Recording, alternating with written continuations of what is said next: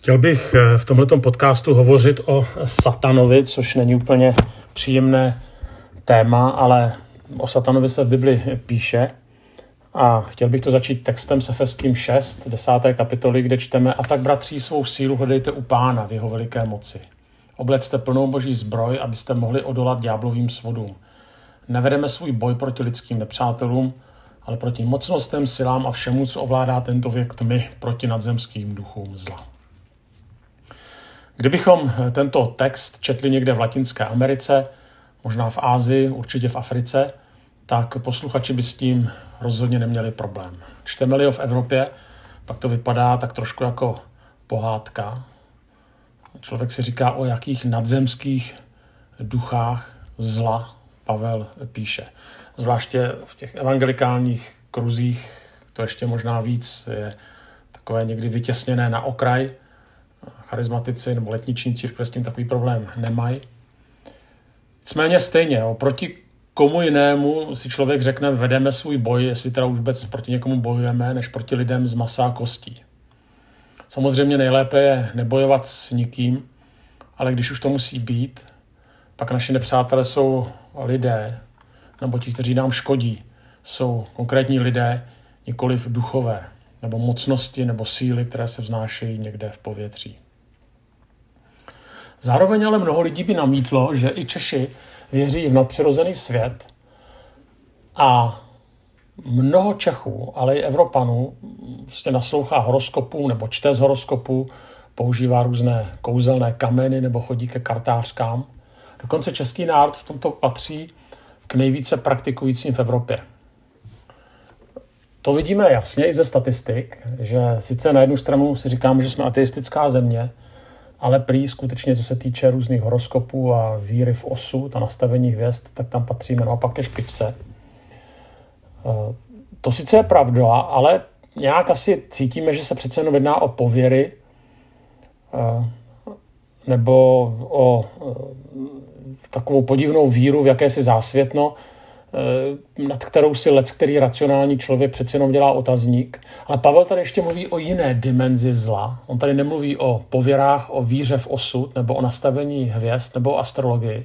Ale Pavel tady zcela konkrétně mluví o inteligentních bytostech, nebo o konkrétních mocnostech, které ovládají tento věk. To znamená, že jako křesťané, i jako církev, ale i jako svět máme co dočinění s inteligentními bytostmi nebo bytostí, která má v Bibli nejčastější jméno Satan. Jak jsem říkal, na západě tady tomu pojetí moc nevěříme, protože zdroj zla jsme schopni takzvaně vědecky odůvodnit. Zlo se říká, že má buď psychologické nebo sociologické důvody. A z toho pak plyne, že pokud změníme okolnosti, ve smyslu, že změníme prostředí nebo jakési přirozené důvody zla, tak se změní svět kolem nás, anebo se změníme my, změní se člověk. A už, osví, už od osvícenství se věřilo, že uh, bude-li člověk vzdělanější nebo bude-li vyrůstat v harmonické rodině nebo v lepším prostředí, tak ho to změní k lepšímu. A tady to je podpořeno takzvanou teorií nevinného divocha, která tvrdí, že člověk je ve své podstatě dobrý ale zkazila ho společnost. Rodí se jako nepopsaný list papíru a pokud na tento nepopsaný list papíru napíšete dobré věci, no tak člověk bude dobrý. A ta myšlenka nevinného divocha pak prostupuje literaturu a je známá třeba v postavách Robinsona nebo Indiánů eh, a v dalších. Argumenty o propojení zla a prostředí určitě nemůžeme vyloučit, pokud eh, jsme třeba znali někoho, kdo adoptoval děti v pozdějším věku a kdo třeba prošel některými těmi ústavy, tak víte, nebo slyšeli jste o tom, jak je nesmírně složité tyto děti asimilovat třeba z ústavní péče do rodinného života. Prostě ta minulost nás určitě jaksi eh, deformuje nebo formuje i k dobrému. Prostě prostředí hraje roli. Ale samozřejmě není to, není to jenom prostředí. Člověk je ve své podstatě zlý. Táhne ho to víc ke zlým věcem než k dobrým. Asi proto se děti dřív naučí odmlouvat, než říkat ano maminko, ano tatínku.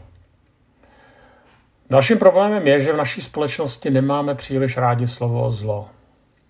je příliš černobílé, příliš odsuzující, příliš posuzující a to se tedy v rámci korektnosti nemá vůbec vyslovovat. Proto se volí slova jako dysfunkce, patologie, úchylka anebo nemoc. Ano, někdy skutečně se jedná o patologii, dysfunkci, úchylku, ale někdy také nikoliv. Prostě zlo je zlo, zlo je zlem a je třeba ho dokázat pojmenovat. Psychologie, sociologie nebo ústavní péče nebo vůbec péče o člověka určitě může člověka kultivovat, ale nevymítí z něj zlo. Stejně tak i rodina. Jo? Určitě může člověka kultivovat, ale nemůže z něj úplně vymítit zlo. Zlo, které je personifikované v osobě satana a dalších zlých bytostí, prostě existuje. Když psal C.S. Lewis předmluvu ke své slavné knize Rady zkušeného ďábla, tak poznamenal. Ve vztahu k ďáblům se lidé mohou dopustit dvou stejně závažných chyb. První z nich je nevěřit v jejich existenci. Druhou chybou je v ně věřit a současně o ně mít přílišný a nezdravý zájem. Ďáblové mají s obou těchto chyb stejně velkou radost a vítají je mezi sebou stejně nadšeně, když to jde od materialisty jako od čarodejníka. Ano, vítají mezi sebou stejně nadšeně materialistu jako čarodejníka. Jo, co tady vlastně Louis říká, že oba přístupy k ďáblovi a obecně k duchovnímu boji jsou špatné, protože redukují zlo. Jedni tím, že vidí satana tam, kde není, a druzí, že ho nevidí tam, kde je. Jeden ze známých teologů, Martin Lloyd Jones, napsal, jsem si jistý, že jedna z hlavních příčin dnešního úpadku církví je v tom, že zapomněla na ďábla. Vše se připisuje nám, všichni jsme se stali ve svém postoji a myšlení psychologii. Nepoznáváme tento velký a objektivní fakt bytí ďábla, protivníka, žalobce a jeho ohnivé šípy. V 17. století napsal puritánský kazatel Richard Baxter knihu o melancholii, což bychom dneska mohli spíš přeložit jako o depresi. A Baxter uvádí čtyři důvody deprese. Je to 17. století. A je to jako kdyby to psal dneska. No a tedy jaké jsou ty čtyři důvody deprese podle Baxtera? On říká fyzické důvody, je to špatná životospráva nebo málo odpočinku. Pak jsou psychologické důvody, říká je to napětí v rodině, v práci nebo psychická indispozice. Pak hovoří o morálních důvodech, je život ve lži, podvody a rozdvojený život. A poslední říká démonické důvody, což je posedlost nebo zahrávání si s okultismem. Takže i v tom jeho spisku o melancholii nebo o depresi, tak tam jeden z těch čtyřech důvodů nazývá, pojmenovává jako démonické důvody. Zase jedním extrémem je, že cokoliv, co má co dočinění dep- s depresí nebo s melancholí, tak je démonické podstaty. Tak to prostě není. Ale druhým extrémem je, že na tyto, že na démony prostě nevěříme. Tak to taky prostě není. Navíc ty problémy, které člověk prožívá, tak bývají více vrstevné. Když tedy jsem začal tím textem eh, s Efeským, eh, z šesté kapitoly, o těch nadzemských duších, o nadzemských duchách zla, eh, které ovládají náš věk, tak se pojďme podívat, o koho jde, o koho se jedná. Vezmu to jenom světem letem. Nicméně, Bible mluví o satanovi jako o osobnosti s určitými rysy, jako je třeba inteligence. To třeba 2. Korinským 11.3 jsou city a hněv, zjevení 12.17. To je touha, Lukáš 22.31. Potom jako o někom, kdo dává najevo svoji vůli. Třeba Izajáš 14. kapitola. Timoteus 2, 26. Potom ve starém i v novém zákoně se o satanovi mluví jako o osobě. Třeba Job nebo u Matouše ve 4. kapitole. To, je důležité, protože tady vidíme, že se nejedná o jakousi personifikaci zla nebo jenom o nějaký obecný princip zla, ale o reálnou bytost. Prostě Satan byl stvořen a je duchovní bytostí a je nazýván bohem tohoto světa, anebo vládcem nadzemských mocí. Je to třeba v Efeským ve druhé kapitole. A pro Satana existuje řada jmén, které vystihují něco z jeho charakteru, To jméno Satan je použito 52krát v Bibli a je z hebrejštiny a znamená nepřítel nebo protivník. Slovo ďábel je 35krát v Bibli a je z řeckého diabolos a znamená to otec lži nebo pomlouvač nebo žalobce. A apoštol Jan hovoří o satanovi jako o tom zlém, je to Jan 5, třeba 18 až 19 nebo 17, 15. A je to ten zlý, není to to zlé. A teďka ta otázka je, jak Satan působí ve světě. Ve 2. Korinským 4. kapitole 4. verši čteme, že oslepuje oči nevěřícím, aby nemohli přijmout evangelium. Nebo Lukáš 8.12 čteme, že bere boží slovo ze srdcí lidí, aby neuvěřili. Dále obvinuje věřící a osočuje nás před Bohem. Zároveň čteme, že Satan vládne démonům, o kterých se na mnoha místech v písmu píše. A všichni novozákonní pisatelé se až na list židům o démonech zmiňují. A v Novém zákoně o nich najdeme více jak 100 odkazů. Podobně jako ďábel, zase tyto síly zla tak nejsou jakési jenom pojmy no, nebo jakési pouhé síly, které by existovaly jenom v našich představách, něco imaginárního. Stejně tak se nejedná o pouhé metafory zla, ale jedná se o bytosti, které mají vůli, inteligenci a které škodí božímu dílu. A když Pavel píše o mocnostech tohoto světa, pak používá slova, která skutečně ukazují na jejich inteligenci a na jejich moc. Píše to do Efezu a ti efeští si ještě pravděpodobně pamatovali příběh nebo o něm slyšeli, který je zaznamenán ve skutcích 19, to se právě stalo v Efezu. Tam čteme, tu člověk, v kterém byl ten zlý duch, se na ně vrhl, všechny je přemohl a tak je zřídil, že z toho domu utekli nazí a plní ran. To se rozhlásilo mezi Židy i pohany, kteří žili v Efezu. Na všechny padla bázeň a jméno pána Ježíše bylo ve velké úctě. Přicházeli i mnozí z těch, kteří uvěřili a především i vyznávali, že také oni dříve používali zaklínání. Tak se domnívám, že po takovéto zkušenosti asi člověk moc nepochybuje o tom, že uh, Satan a síly zla, takže to není jenom jakýsi pojem, ale že je to něco konkrétního, nebo někdo konkrétní. Otázka je tedy, jak se ale ďábel projevuje, jestli je to tak jako v Efezu, to znamená, že nám dá nakládačku, nebo tam je napsáno, že ten zlý duch zřídil. Eh, samozřejmě ta posedlost se může projevovat mnohými manifestacemi. Eh, nejenom takhle extrémně, jako jsme četli.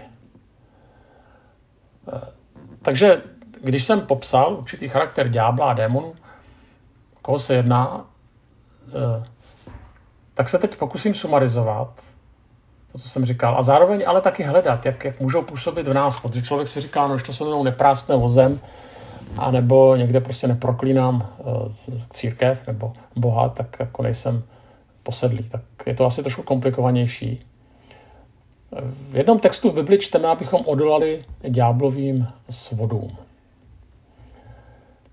Uh, Toto slovo doslova znamená úskok nebo trik.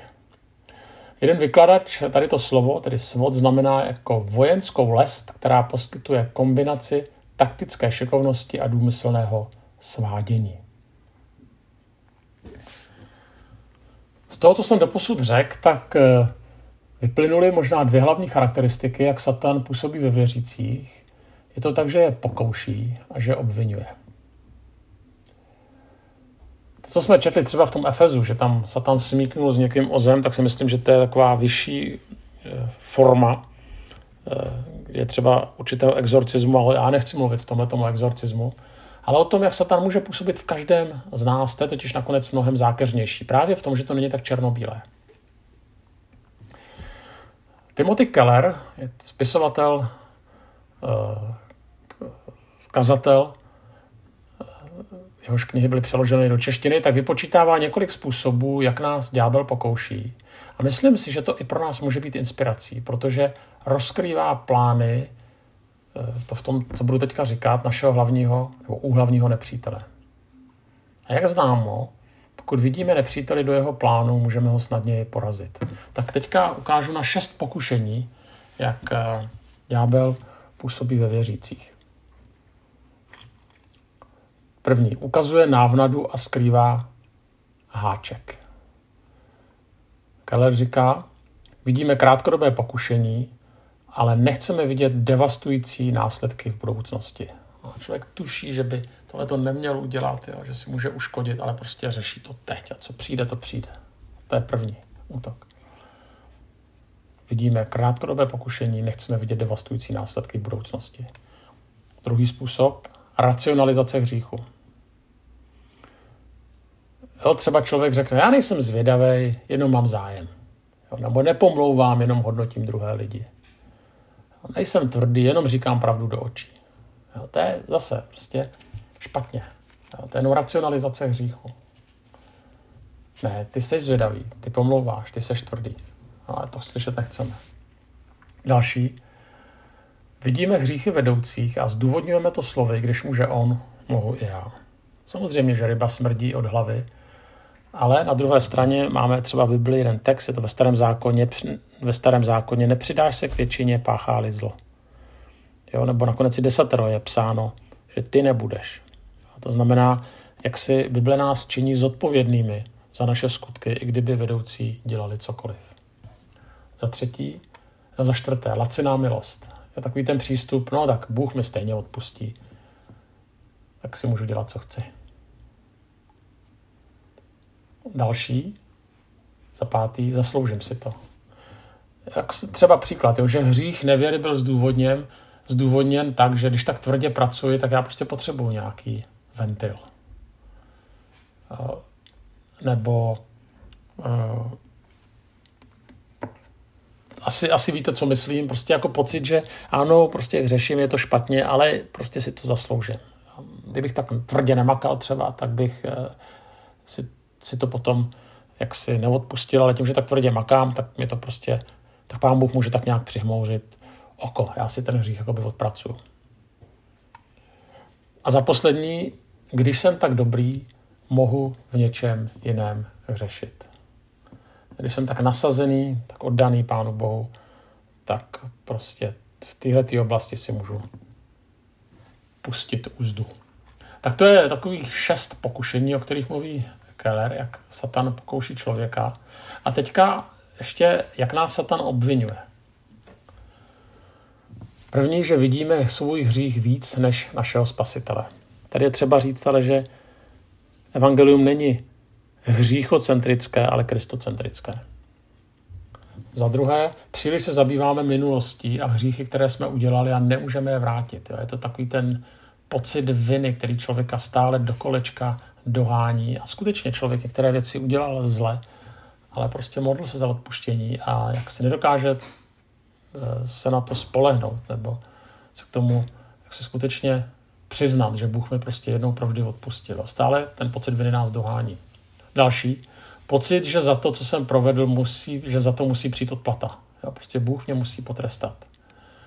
Tak člověk má automen, auto, ne, auto nehodu nebo nemocné děti, něco se mu stane a pak si říká, určitě za to mě Bůh trestá, nebo za něco, co bylo v minulosti.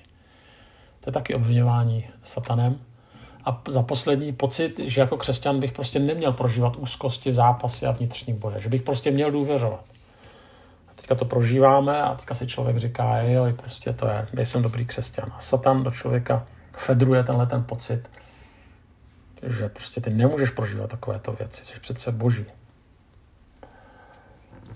Tak a teďka, když jsem ve stručnosti vymenoval, kdo je Satan, jak na nás útočí, jak, eh, jaký pokušení na nás přicházejí, tak se podívejme na závěr ve stručnosti, jak jeho útokům čelit. Eh, dám takové pár takových bodů. Další, pokusme se rozpoznat, jak se k nám dostávají různá pokušení. Jo, kde jsou naše slabiny? Pokud víme, kde jsou naše slabiny nebo v čem jsou naše slabiny, jak se k nám zlo dostává, pokud včas rozpoznáme, že začíná být zlo, zle, že si začínáme racionalizovat své selhání, tak máme naději se hříchu vyhnout. Máme naději nenechat se svést zlým. A každý má své slabá místa, slabé časy, slabé chvíle. Tak je dobré v tomhletom tohle to brát vážně. A když ta pokušení přicházejí, nebo vůbec, když už víme, že jsme někde, kde k nám to pokušení přichází snadno, tak to včas rozpoznat a vyhnout se tomu.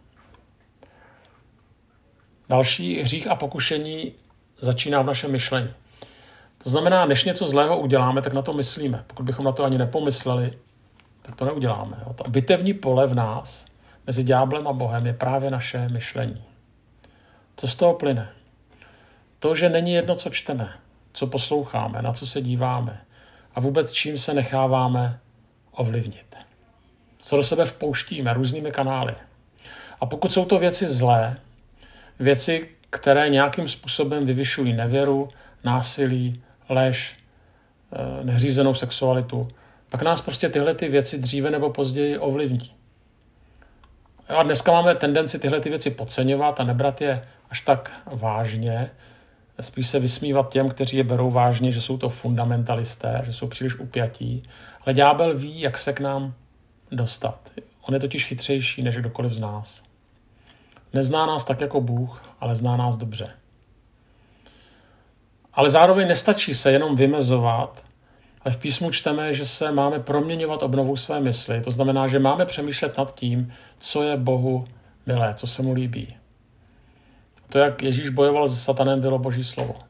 Pokud necháváme božímu slovu prostor, aby ovlivňovalo naší mysl, pak máme větší šanci obstát. Ale nejenom božímu slovu, ale prostě k dobrým věcem, hezkým věcem, krásným věcem, bohu líbým věcem. Znamená to, že člověk musí číst stále a pouze a dokola Bibli, ale prostě nevpouštět do své mysli věci, které jsou ošklivé.